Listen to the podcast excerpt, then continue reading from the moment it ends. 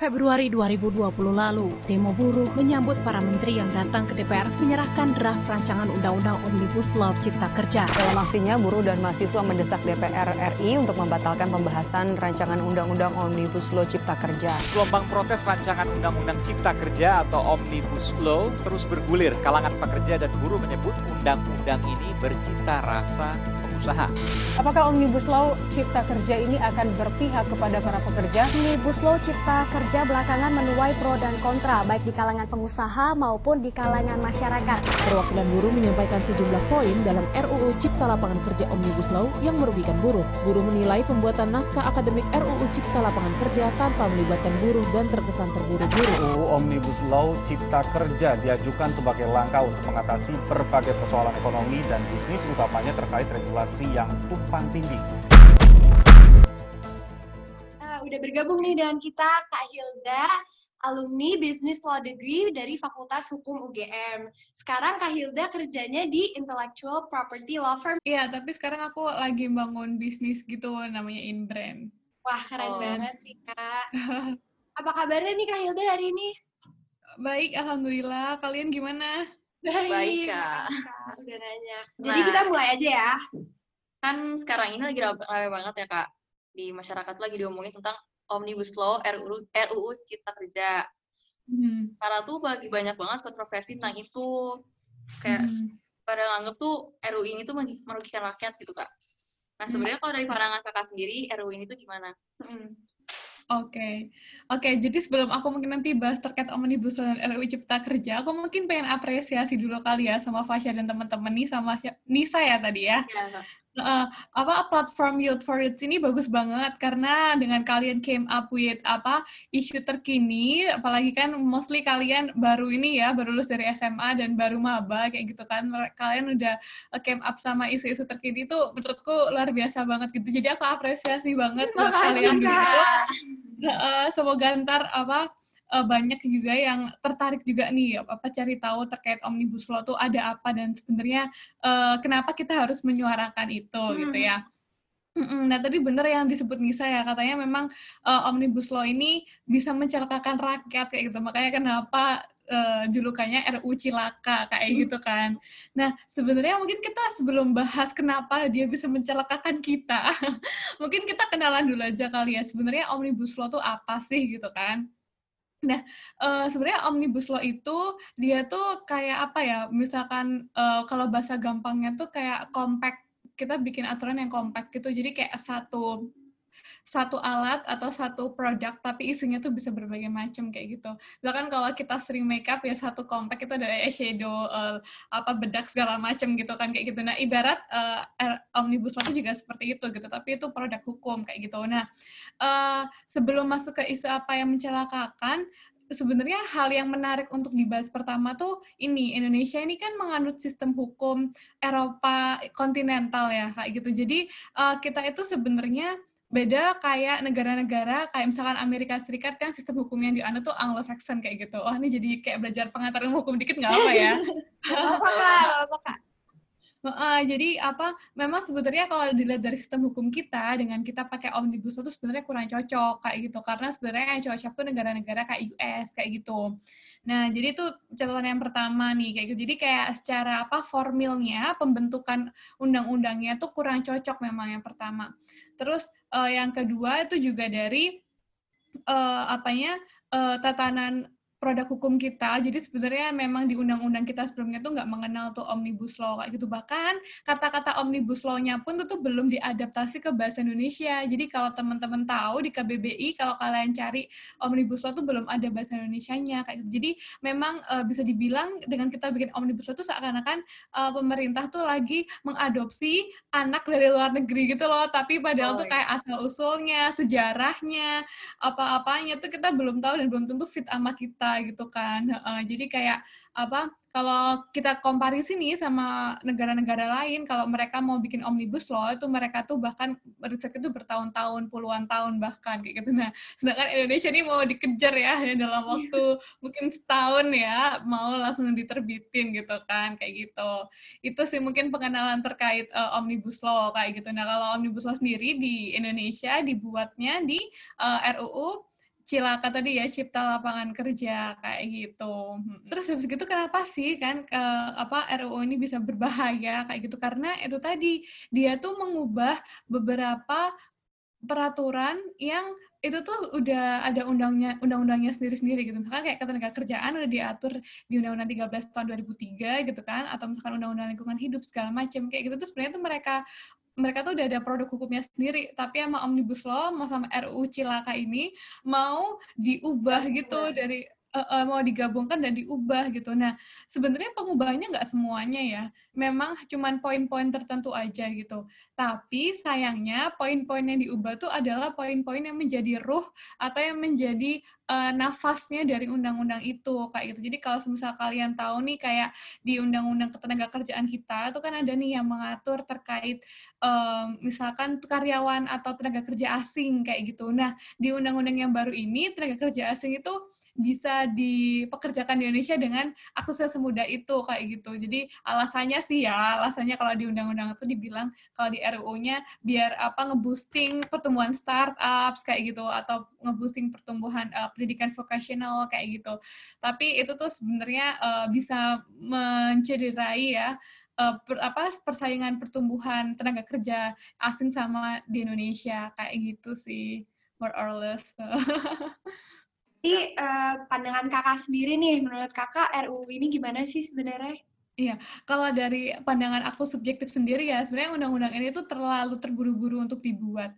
Karena satu undang-undang aja yang bahas spesifik topik tertentu, itu tuh pembahasannya tuh bisa bertahun-tahun. Mungkin kalau teman-teman juga update terkait uh, eh, RUU apa pelecehan kekerasan seksual atau RUU PKS, itu kan dia kan udah dibahas lama, tapi ternyata pas akhir nggak jadi disahin karena alasannya tuh DPR bilang susah gitu kan. Nah, dibahas.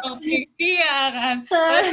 tapi alasannya gitu gitu nah ini uh, ada agak aneh nih gitu kan ini malah yang sebenarnya banyak diatur tapi kenapa dalam waktu yang singkat ya? malah uh, jadi kayak uh, apa ya memang political intentnya tuh intensnya tuh harus kita uh, cari tahu dulu gitu kan kayak karena memang hukum kan uh, produk dari apa politik gitu kan jadi kayak kita memang nggak bisa naif untuk uh, cari tahu juga ada apa di balik itu kayak gitu. Oke okay. Okay. Nah, uh, Kak, kan mayoritas nih, apa, viewer-viewer Youth for Youth itu anak muda. Pengen nanya nih ke kakak, kira-kira kenapa sih anak muda kayak seumuran kita gitu harus paham dan peduli tentang RUU Cilaka ini? Karena mayoritas kan pasti mikirnya kayak, ah kan gue nggak kena dampak, kayak kenapa gue harus paham atau peduli. Gimana, Kak? Oke, okay. waduh ini good question banget sih. Karena sebenarnya RUU ini tuh dibuat untuk youth kayak gitu kan. mungkin kan iya, mungkin kan nanti uh, eh, RUU ini kan eh, undang-undang ini kan juga akan berlaku beberapa tahun ke depan gitu kan. Dan mungkin lima tahun lagi kalian udah masuk ke apa lapangan kerja gitu kan jadi yang yang terdampak tuh sebenarnya kalian kayak gitu kan. Termasuk aku sih karena kita nggak jauh beda ya umurnya kita iya, berapa sih? Dua tahun tiga tahun kali ya kita beda umurnya. Kayak gitu. Jadi um, menurutku Youth for Youth ini apa uh, platform yang kalian bikin ini emang bagus banget. Karena ini menyadarkan teman-teman dari awal biar nanti waktu pas mereka udah masuk tenaga kerja atau ternyata waktu pas mereka misalkan mau bikin bisnis gitu kan mereka bisa paham gitu apa yang terjadi. Dan kalau bisa sih emang kita sebagai masyarakat ya bersama-sama saling dukung untuk uh, quote and quote menggagalkan uh, pembahasan atau pengesahan dari RU ini kayak gitu. Dan uh, memang ini sih kalau dibilang nggak berdampak, oh my god ini berdampak ke semua lini kehidupan teman-teman karena sebenarnya nggak cuma membahas terkait ketenaga kerjaan ya, tapi juga kita di sana ada membahas terkait lingkungan. Jadi aku juga apa uh, ngikutin kan platformnya Youth for Youth kalau kalau kalian juga bahas terkait uh, isu-isu lingkungan kayak gitu kan. Nah di RUU Cilaka ini juga cilakanya juga diatur nih masalah lingkungan. Jadi kayak terkait bisnis-bisnis yang sifatnya ekstraktif itu tuh dipermudah udah uh, apanya izinnya kayak gitu. Hal-hal yang awalnya bersifat wajib jadi kayak disunahkan kayak gitu. Nah padahal kayak misalkan suatu perizinan uh, usaha untuk kayak amdal segala macam itu kan sebenarnya kan mandatori kan sebenarnya kan wajib. Tapi di URU Celaka ini kayak diringankan kayak gitu. Itu kan juga nanti bisa berimpact ke uh, lingkungan di Indonesia sendiri kayak gitu. Jadi ini sebenarnya honestly ini apa undang-undang kompak ini tuh sangat berimpact ke semua lini kehidupan kita kayak gitu nggak cuma tenaga kerja tapi juga uh, bisnis kesehatan dan dan semuanya dan yang lainnya kayak gitu sih. Nah kan kalau sekarang kita bahas dari kerugian untuk tenaga kerjaan kan banyak banget ya pasal-pasal yang lagi diprosain sama masyarakat. Salah satunya itu ada hapusan pasal 59 UU Ketenaga Kerjaan. Itu tentang menghilangkan kewajiban pengusaha untuk memberi status pekerja per permanen pada pekerja. Nah, itu menurut kakak gimana? Nah, itu juga menarik ya. Jadi kalau kalau apa uh, kenapa yang bisa membuat tersatu karena sebenarnya simply mungkin kita uh, legal scholar kayak orang-orang yang emang apa backgroundnya pendidikannya hukum kita kan kayak nge-compare gitu kan apa yang ada di undang-undang RUU Cilaka ini sama undang-undang yang lama kayak gitu. Nah, kalau di undang-undang yang lama tentang tenaga kerjaan undang-undang nomor 13 tahun 2003 itu tuh mereka bilang kalau uh, apa kita tuh ada macam-macam gitu pekerja tuh ada yang bisa dikontrak, ada yang enggak kayak gitu kan.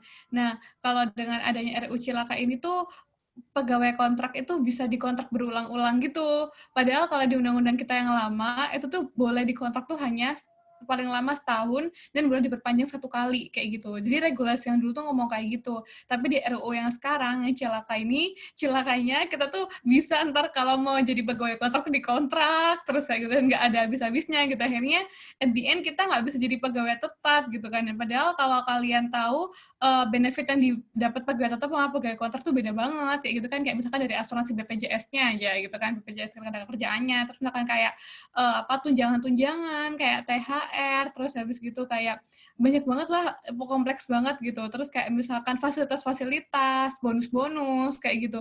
Itu tuh emang ini banget beda banget timbang banget antara pegawai kontrak sama pegawai tetap kayak gitu. Itu jadi ya bahaya lah kalau semua pegawai kontrak kan. Ntar kasihan juga gitu kan. Jadi ibaratnya mereka kerja full time tapi nggak dapat benefitnya gitu ya.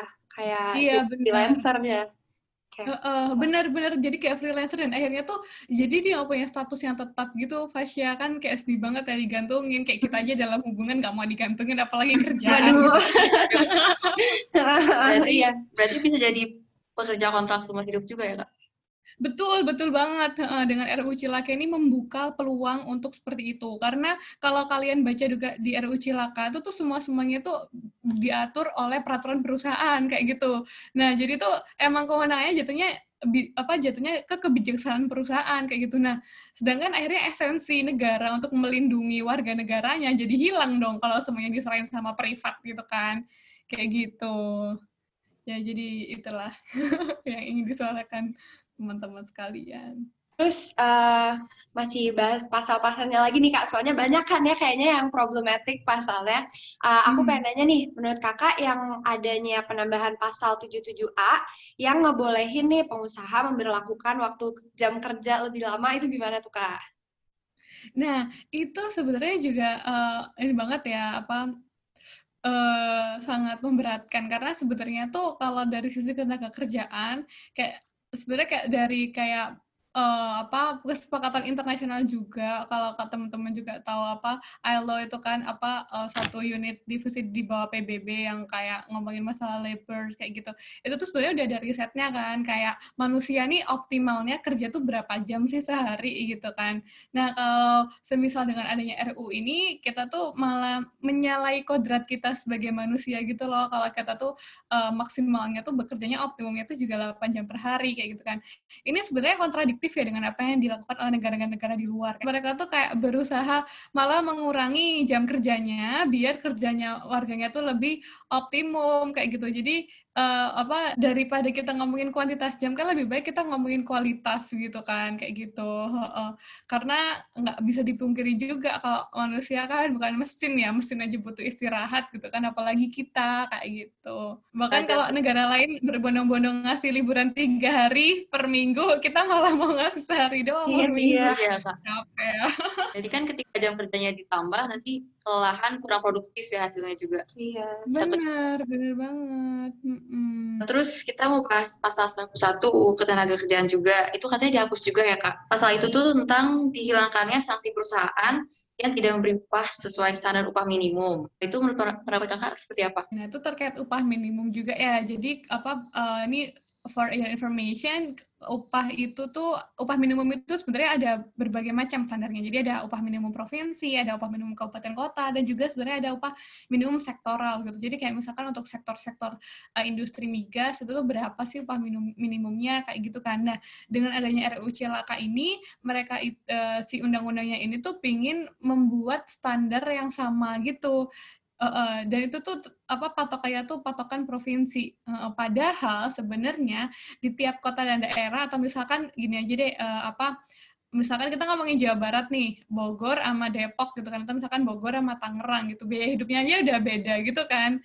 Nah itu tuh mau digeneralisir satu Jawa Barat gitu kan, padahal di Jawa Barat juga kayak ada kota-kota uh, yang misalkan yang uh, industrinya kurang bertumbuh seperti kota-kota yang ada di Bogor ataupun Depok gitu ya kayak misalkan apa? Cibinong. Cibinong ya Cibinong. Ya kan Cibinong gitu kan. Kan kayak biaya hidup di Cibinong sama biaya hidup di Bogor kan beda gitu. Kita nggak usah jauh-jauh ngomongin Jakarta lah kita ngomongin satu provinsi aja gitu kan. Itu kan udah beda. Nah sebenarnya dengan adanya upah minimum kabupaten kota itu tuh melihat uh, apa sektor-sektor yang ada di kota itu gitu kan. Jadi tuh angka yang keluar upah minimumnya kan lebih valid jatuhnya ya nggak sih daripada kita ngeliat secara terlalu luas gitu kan provinsi kayak gitu. Jadi sebenarnya uh, apa dengan ini pun ya kayak misalkan upah minimum guru sama upah minimum misalkan orang yang kerja di laut gitu kan jelas beda gitu beda. kan karena effort yang mereka keluarin pun juga beda gitu. Nah itu tuh kalau sama-sama dipukul rata kan kayak ya apa ya bahkan orang nggak butuh orang yang expert di hukum ataupun orang yang expert di ketenaga kerjaan kayak kita teman-teman yang kelulusan SMA atau misalkan kita yang masih muda ada logikanya aja udah jalan gitu kan kayak oke okay, kayak aneh gitu kan nah, kayak itu itu juga yang harus uh, di kita kritisi bersama kayak gitu. Akhirnya jatuhnya kayak gini sih teman-teman. Uh, apa yang yang pengusaha itu tuh akhirnya kayak makin diuntungkan gitu. Sedangkan kayak untuk karyawan dan buruh itu tuh akhirnya akan makin tertindas.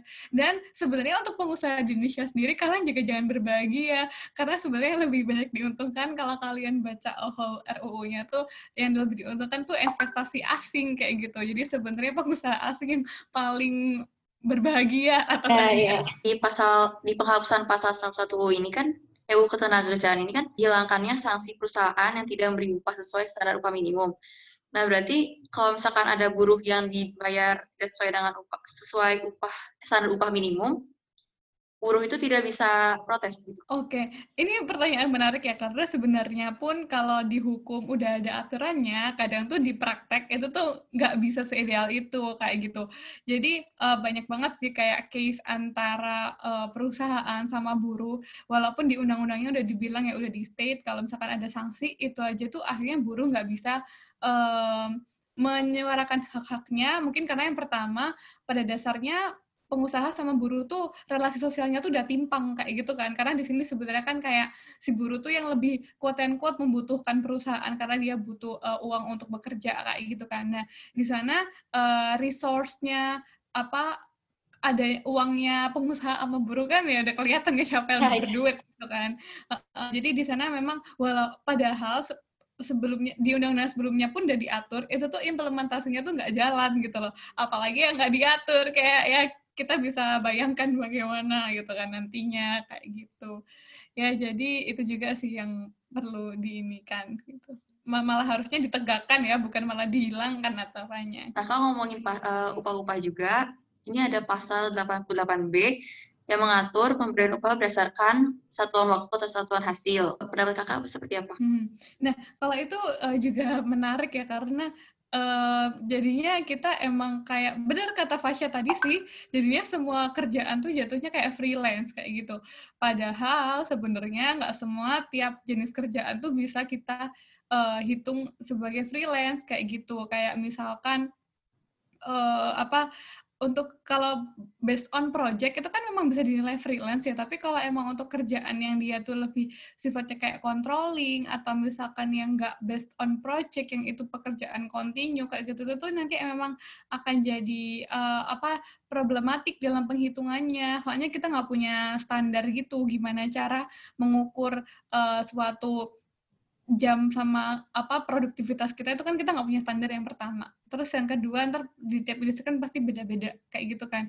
Nah kalau misal nanti ini RO-nya disahkan, standarnya kita belum punya, jadi berantakan dong gitu. Padahal seharusnya kalau dalam pembuatan produk hukum nih atau undang-undang itu tuh kayak kita bangun dulu sistemnya yang ada yang settle baru kita bikin undang-undangnya gitu. Jadi kayak undang-undangnya tuh kayak mengesahkan sistem yang udah ada kayak gitu. Nah, Kak, aku pengen nanya ini nih tentang pasal 93, mau dihapus pasal 93 ayat 2 tentang Undang-Undang Ketenagakerjaan yang membahas tentang ketentuan upah cuti. Nah, aku tuh nggak paham nih, Kak, itu uh, sebelumnya kayak gimana dan sekarang mau diubahnya kayak gimana, terus dampaknya kira-kira apa? Oke, nah kalau yang terkait upah cuti itu tuh kalau teman-teman apa lihat-lihat atau main ke undang-undang ketenagakerjaan ya. Jadi tuh kalau orang yang cuti kan sebenarnya simply dia juga masih digaji kan karena itu sebenarnya hak gitu. Jadi kayak misalkan ada cuti melahirkan, terus habis itu misalkan kayak emang ada cuti cuti liburan itu tuh sebenarnya ada kayak gitu. Uh, jadi kan uh, terus selain itu juga ada ini teman-teman uh, cuti untuk uh, cewek kalau misalkan lagi haid kayak gitu. Nah itu tuh uh, emang isunya kan akan dihapuskan kayak gitu. Jadi uh, apa ya bisa bisa dibilang tuh akhirnya cuti tuh cuti kan kita nggak kerja tapi tetap dibayar. Nah, tapi dengan adanya RUU Cilaka ini jatuhnya kita kayak unpaid leave gitu. Jadi tiap kita nggak kerja kita nggak dibayar kayak gitu. Padahal sebenarnya itu tuh hak kayak gitu. Uh, Terus aku sih yang paling sedih yang ini ya terkait yang apa cuti untuk haid itu. Karena itu tuh dulu tuh kayak apa para feminis kayak para pejuang apa hak-hak perempuan tuh mereka tuh kayak memperjuangkan itu dari lama gitu kan sudah lama. Dan mereka tuh mengumpulkan berbagai kajian dan literatur gitu kan dari mulai kesehatan dari segi psikologis kayak gitu kan. Kayak apa yang udah mereka perjuangkan bertahun-tahun tuh hanya dimentahkan sama RU ini kan kayak kasihan gitu kan kayak gitu. Jadi emang ini sih apa yang terkait uh, cuti ini masih ini juga ya uh, masih debatable juga kayak gitu. Dan aku tadi juga kayak apa baru baca-baca berita gitu. Katanya uh, dari ketua DPR RI kita katanya mau menghold dulu pembahasan terkait uh, bab ketenaga kerjaan gitu. Jadi kalau teman-teman lihat di RUU-nya bab ketenaga kerjaan tuh uh, fokusnya diatur di bab 4 kayak gitu. Nah, uh, udah nih mayoritas pertanyaan-pertanyaan tentang pasal kita udah kita tanya ini. Tapi uh, dari kakak sendiri ada nggak yang menurut kakak tuh dampak negatifnya paling butuh dibahas banget? Oke, okay, jadi sebenarnya tadi udah sebut aku singgung dikit ya. Jadi selain ketenaga kerjaan itu yang uh, yang berimpact juga ke lingkungan kayak gitu, terkait perizinan segala macam gitu kan, kayak gitu. Dan sebenarnya apa aku kan juga ada teman kan dia tuh memang yang fokus banget di uh, hukum tata negara ya.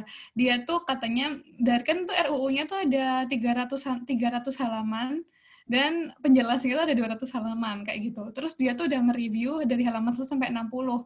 Itu tuh katanya yang diubah itu tuh ada 10 undang-undang kayak gitu. Bayangin ya, padahal undang-undangnya dibikin sejak bahkan kita uh, sebelum reformasi bahkan gitu. Itu tuh udah ada ke 10 undang-undang yang berimpact. Itu masih dia masih nge-review sampai ke halaman 60 gitu.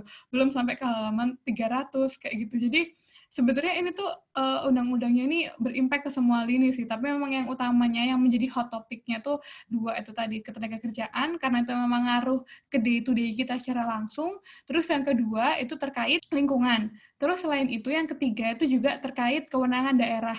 Jadi kalau teman-teman baca di pasal satu ketentuan umum RUU-nya itu tuh mereka tuh kayak me, apa ya mengkebiri gitu, mengkebiri kewenangan pemerintah daerah dengan memusatkan semua perizinan itu ke pemerintah pusat kayak gitu. Nah, kalau semisal kayak gitu, akhirnya kan nanti APBD daerah juga kayak uh, bisa terhambat segala macam gitu kan. Uh, padahal dulu semangat kita di tahun 2004 untuk membuat otonomi daerah itu kan juga sebenarnya semangat dari hasil reformasi kita agar uh, apa kuasa pemerintahan kita tuh nggak tersentral ke pusat kayak gitu kan. Nah tapi dengan adanya RU ini malah kita tuh akhirnya kayak step back gitu dari reformasi. Lagi, ya. Ini ya kayak yang apa teman-teman yang ngikutin isu-isu dari tahun misalkan kayak 98 atau mungkin kalau teman-teman belajar sejarah juga dari apa yang dulu kita perjuangkan uh, dari reformasi itu tuh kayak akhirnya loh kok kok kok gitu loh karena kayak apa yang kita perjuangkan tuh jadi kayak dimentahkan lagi kayak gitu. Tapi kalau aku pengen tanya balik ke kalian, uh, kalian kenapa sih kok akhirnya uh, tertarik bahas terkait omnibus law ini? Uh, karena kalau kita sih ngelihatnya sekarang ini kan apa ya COVID-19 ini kan lagi menurunkan ekonomi ya kak di Indonesia. Mm -hmm. gitu loh kak sebenarnya ini tuh efektif atau enggak karena kalau dari sisi ekonomi memang bagus secara keseluruhan Indonesia tapi di sisi lain juga untuk sisi humanisme dan kesejahteraan guru-guru dan pelestarian lingkungan segala macam itu tuh banyak banyak kekurangannya kak gitu. Jadi kita bingung sebenarnya ini tuh ini tuh cocok gak sih diterapkan Indonesia untuk sekarang ini gitu. Apalagi covid gini kan yang paling banyak dapat dampaknya ya rakyat kecil lah ya yeah. buruh gitu. Malah dengan adanya ini kayak bingung aja gitu kita ini benefitnya buat siapa? Yeah, I see, I see. Iya, iya, iya. Tuh apa keresahan yang bagus banget sih. Uh, benar-benar dan sebenarnya pembahasan omnibus law ini tuh jauh sebelum ada covid sebenarnya dari tahun 2019 hmm. gitu. Nah malah dengan adanya covid ini itu tuh kayak malah jadi perfect timing ya. apa ya untuk branding untuk branding si RUU ini tuh bisa menyelamatkan perekonomian Indonesia uh, gitu. Padahal pembuatannya penggodoknya dari tahun 2019 yang which is bahkan mungkin uh, COVID di Cina aja itu belum muncul Pada, kayak gitu kan. Ya. Iya, munculnya kan pada Desember 2019 kan, COVID di Cina, di Wuhan waktu itu, kayak gitu. Nah, jadi apa ya, ya kalau aku sih, kalau ini subjektif aku sih, itu tuh ya bisa dibilang mungkin uh, apa alasan aja gitu loh untuk hmm. katanya untuk membantu perekonomian Indonesia tuh mungkin cuman bisa dibilang kedok atau mungkin branding yang dibangun pemerintah kayak gitu karena uh, batu ujinya kesuksesan untuk penyelamatan ekonomi itu dari riset secara ekonomi pun tuh kayak mm, belum teruji kayak yeah. gitu kan kayak gitu uh, uh, karena kan sebuah undang-undang juga dibentuk dari naskah akademik segala macam gitu kan jadi ya uh, ya hopefully sih ini bukan suatu ini ya bukan suatu uh, apa sih akal-akalan ya, ya sebenarnya aku pengen balik lagi nih ke masalah yang lingkungan tadi kakak bisa nggak jelasin lebih dalam lagi nih dampak ke lingkungannya tuh dengan kalau misalnya disahin RUU ini tuh kayak gimana ya kak? Nah, uh, tadi terkait yang lingkungan ya. Jadi sebenarnya kan Indonesia ini memang negara agraris. Uh, kita memang mostly uh, usaha kita itu tuh industri uh, mining gitu kan. Uh, selain mining kita juga ada pertanian gitu kan, perikanan kayak gitu. Tapi emang pertanian sama perikanan belum se ini ini ya setinggi tambang industri tambang kita kayak gitu. Nah, kalau teman-teman tahu sebenarnya di jurusan hukum itu tuh ada namanya konsen hukum lingkungan kayak gitu. Sama hukum agraria yang dia tuh emang concern banget belajar terkait perizinan ataupun pengelolaan lingkungan itu tuh gimana. Jadi kan kita kan sebenarnya dalam apa ekstrak apa mengekstraktif suatu SDA itu harus imbang ya. Kita harus balance kan kita mengambil manfaat ekonomi tapi kita juga memberikan uh, recovery ke mereka kayak gitu. Dan itu tuh uh, il, apa kayak materinya tuh ilmunya tuh kayak banyak banget gitu. Uh, karena itu tuh emang udah, jurusan khusus gitu kan. Nah dengan adanya RUU Cilaka ini tadi yang udah aku ceritain ya hal-hal yang awalnya tuh bersifat wajib atau mandatori itu tuh bisa jadi sunnah kayak gitu. Bahkan kayak jatuhnya hanya imbauan kayak gitu. Jadi kayak perizinan-perizinan terkait lingkungan itu dulu juga kan awalnya tuh uh, apa eh, sampai sekarang di karena RU-nya belum disahin ya. Itu tuh kewenangannya kan di daerah kan. Jadi tuh kayak ya nanti meneliti AMDAL segala macam itu pemerintah daerah. Yang which is itu sangat masuk akal gitu karena kan yang tahu lingkungan itu kan Pemda gitu kan sedangkan pusat tahu apa gitu kan. Misalkan kayak uh, pusat uh, para orang di Jakarta atau apa sih terkait Gresik gitu atau Surabaya gitu kan kebetulan karena aku udah misalnya di situ kayak gitu. Uh, kalau misalkan mungkin Jabodetabek atau itu kan masih bisa kejangkau ya sama mereka tapi kalau misalkan misalkan Papua atau misalkan Timika atau NTT atau di Maluku gitu kan kayak gimana mereka bisa langsung uh, real time Iya boleh lah mereka bisa kunjungan kerja gitu kan ke daerah. Cuman kan mereka nggak tahu day to day-nya gimana gitu kan. Sedangkan lingkungan itu mereka kan uh, ya day to day-nya bisa berubah gitu kan kayak gitu. Jadi nggak bisa yang kita langsung apa datang langsung kita menyimpulkan suatu hal gitu kan. Memang butuh pengamatan yang lama kayak gitu. Ya kayak inilah mungkin uh, apa analoginya sih kayak lingkungan tuh sebenarnya kayak manusia juga gitu kan mereka berkembang dan yang paling tahu gimana perkembangan anaknya atau lingkungannya itu kan ya ibunya itu atau enggak pemkapnya apa atau pemdanya itu kayak gitu. Itu sih mungkin masalah perizinan Fasya utamanya gitu. pun kayak kalaupun udah kunjungan juga ya mereka dengan sekian banyak daerah di Indonesia nggak mungkin bisa kepegang semua juga nggak sih kak kalau di pusat? Semua di sentral. Iya bener ya that's the point. Kayak uh. memang uh, akhirnya apa uh, kurang masuk akal juga ya. Dan sebenarnya kita dengan membuat kayak misalkan Kementerian Lingkungan Hidup terus kayak punya dinas di provinsi, dinas di daerah sebenarnya kan tujuannya kan itu kan esensinya kita uh, membuat satu birokrasi yang sekompleks itu kayak gitu. Sebenarnya kan untuk menanggulangi hal itu gitu. Jadi kayak entah dari pemkapnya nanti dia report ke kementerian kayak gitu. Ngomongin tuh ya tentang kerugian-kerugian yang dialamin eh yang disebabkan oleh RUU ini. Sekarang kalau misalnya kita lihat dari perspektifnya pemerintah nih ini kan menguntungkan ya bisa mendongkrak pertumbuhan ekonomi hingga 6 persen menurut Menteri Keuangan Bu Sri Mulyani Nah, sebenarnya bagaimana sih pengaturan investasi asing di RUU ini sehingga masih bisa memberikan dampak positif? Hmm, oke. Okay. Nah, kalau apa dari investasi asing ya yang di, diatur di RUU Celaka itu mereka ini sih lebih ke relaksasi perizinan. Jadi kayak perizinannya dipermudah kayak gitu.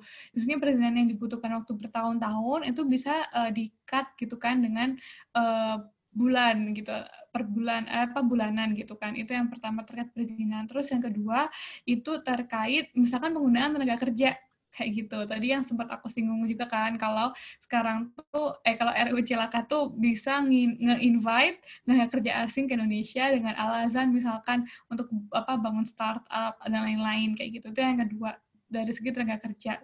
Terus itu yang ketiga uh, itu terkait uh, ini. Jadi kalau untuk beberapa uh, usaha, jadi sebenarnya setiap sektor industri tuh kayak beda-beda gitu.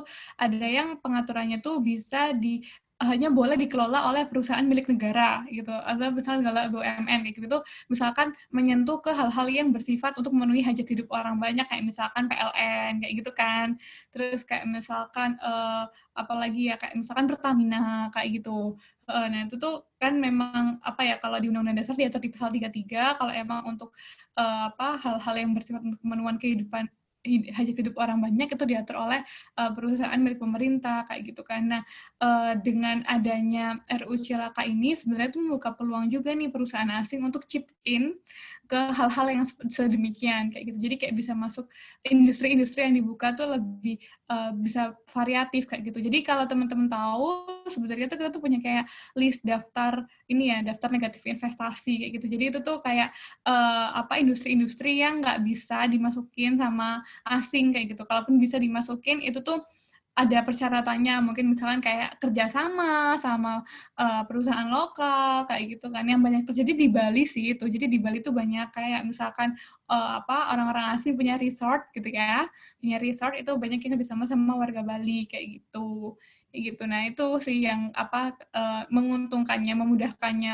apa investasi asing maksudnya seperti itu kayak gitu. Tapi nanti takutnya akhirnya uh, tujuannya pemerintah yang mungkin ingin ngeboosting uh, perekonomian kita dengan invite orang asing itu tuh malah sebenarnya bisa mematikan pengusaha lokal juga kayak gitu. Karena kita secara kayak uh, apa sumber daya ekonominya itu kan lebih banyak punya mereka kan kayak gitu. Nah kak, kan dari judulnya aja nih uh, namanya RUU Cipta Lapangan Kerja. Berarti tujuannya kan adalah untuk memperluas atau mengadain lapangan kerja gitu di Indonesia. Nah uh, aku mau hmm. nanya dong, ini kayak gimana sih aturan-aturannya dalam RUU ini sampai akhirnya itu tuh bisa mempermudah perusahaan dan UMKM bisa sehingga lapangan kerja dapat diperluaskan. Hmm oke. Okay.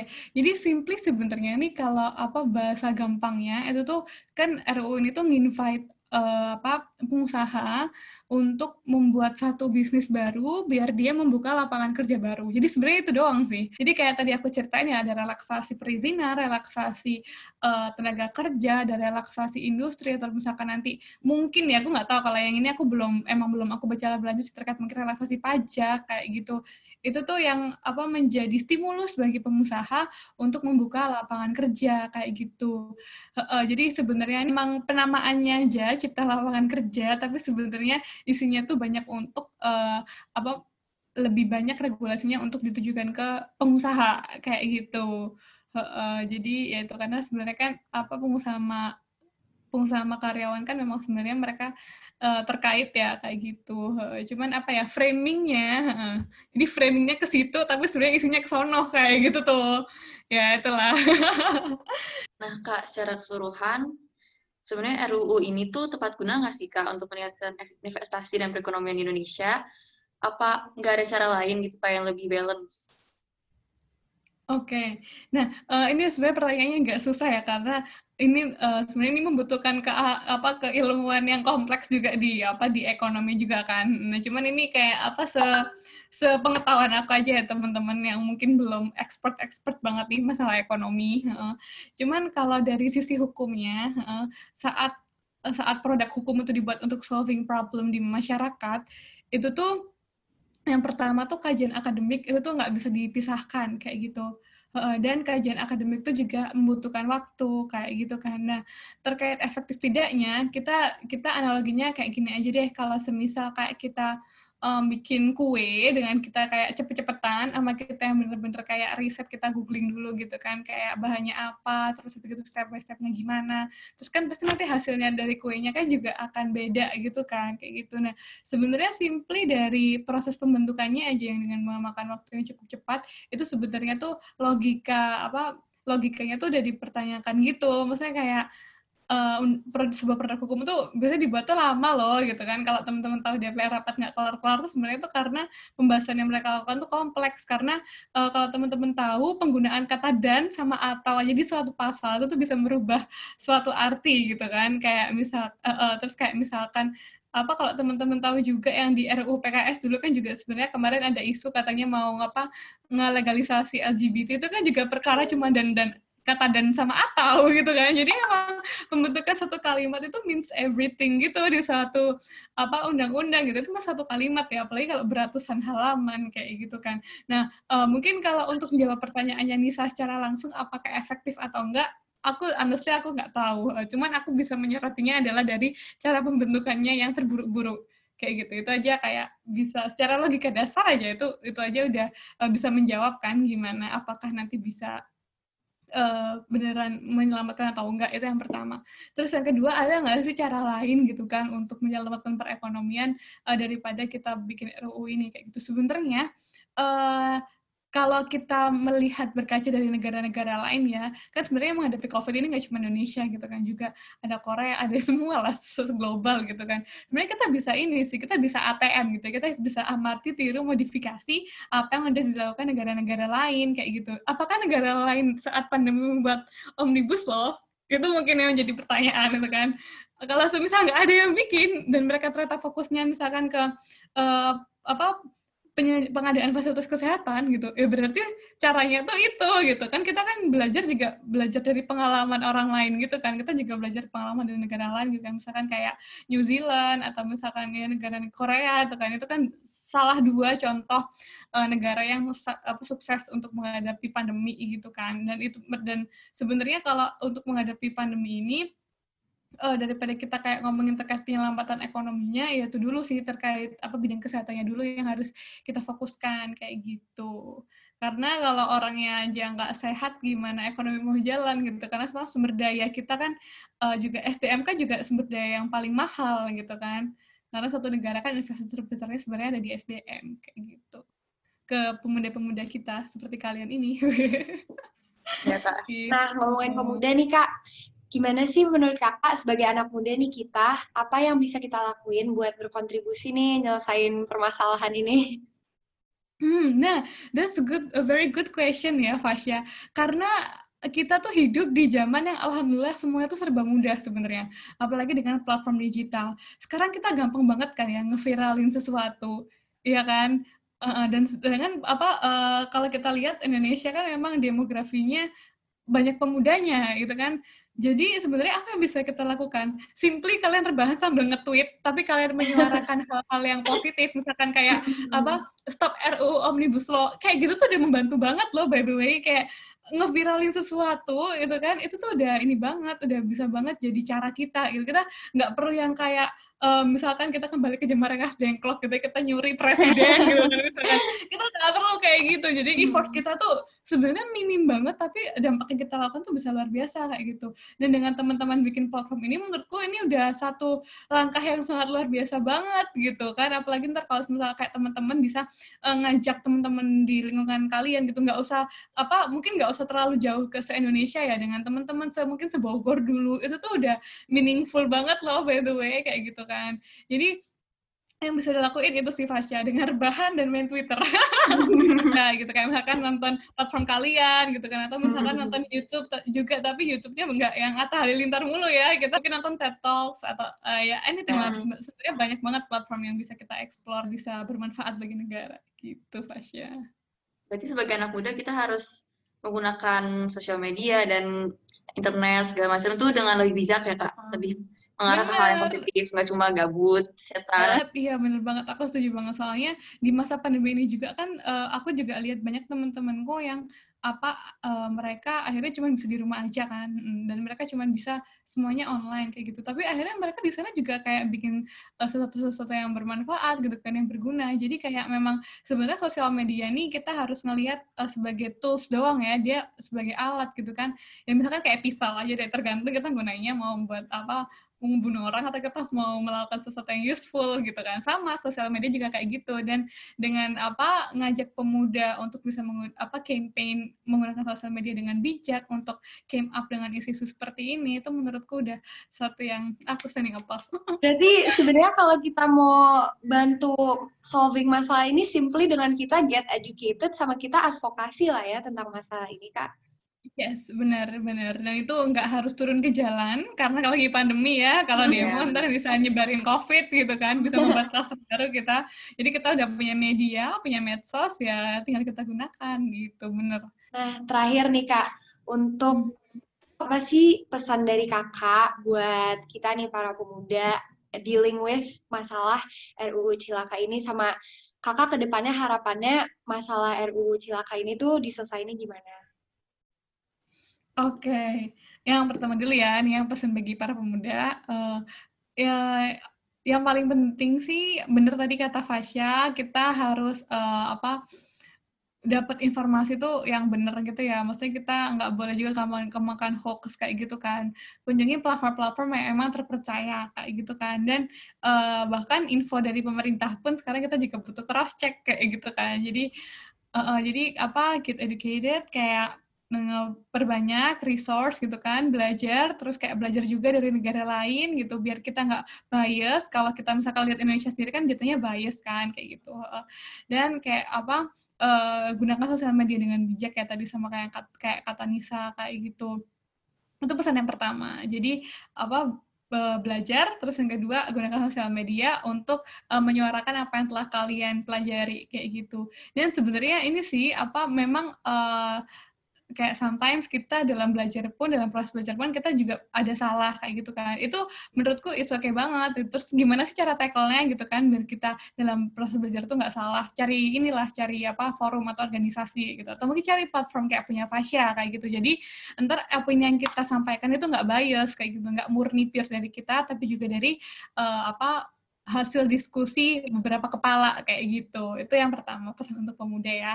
Gitu. Terus uh, yang kedua apa tadi Fasya lupa. kakak harapan kakak ke depannya untuk mengatasi RUU Cilaka ini tuh kayak gimana? Oke, okay. kalau harapannya juga ini sih nggak disahkan. Kemarin waktu pas uh, pidato kenegaraan, beliau kan katanya pingin sebelum September atau bahkan Oktober ini ingin disahkan kayak gitu kan. Nah uh, itu sih, jadi kayak aku harapannya, aku juga ini ya, aku juga pemuda sama kayak kalian. Apa yang aku lakukan juga mungkin masih sebatas kita apa mengadvokasi melalui sosial media, tapi uh, aku percaya sih dengan kayak people power. Kita bisa menggerakkan satu apa menggerakkan massa dan kita bisa menggagalkan uh, apa pengesahan dari RU tersebut kayak gitu itu sih jadi memang harapanku semoga nggak jadi disahin gitu. RU PKS saja bisa kok ini kan nggak jadi iya, disahin di, gitu kan. iya di lama banget ya prosesnya. Iya kan apalagi ini gitu. Uh, paling itu aja ya nis. Ya, itu aja kak. Iya itu aja dari kita. Kak makasih banyak udah mau ikut kita hari ini dan bantu kita sharing knowledge. Apalagi dari kakak berarti kayak kakak yang udah emang terbiasa di dunia hukum pasti kita iya lebih paham jadi banyak yang bingung uh, lebih tahu gitu uh, bener-bener soalnya kalau kita yang baca sendiri kan kayak ya, itu masih terlalu paham gitu. juga Oh Fasya, ya. aku juga senang banget dikasih kesempatan buat sharing sama teman-teman pemuda sekalian. Semoga bermanfaat. Ya.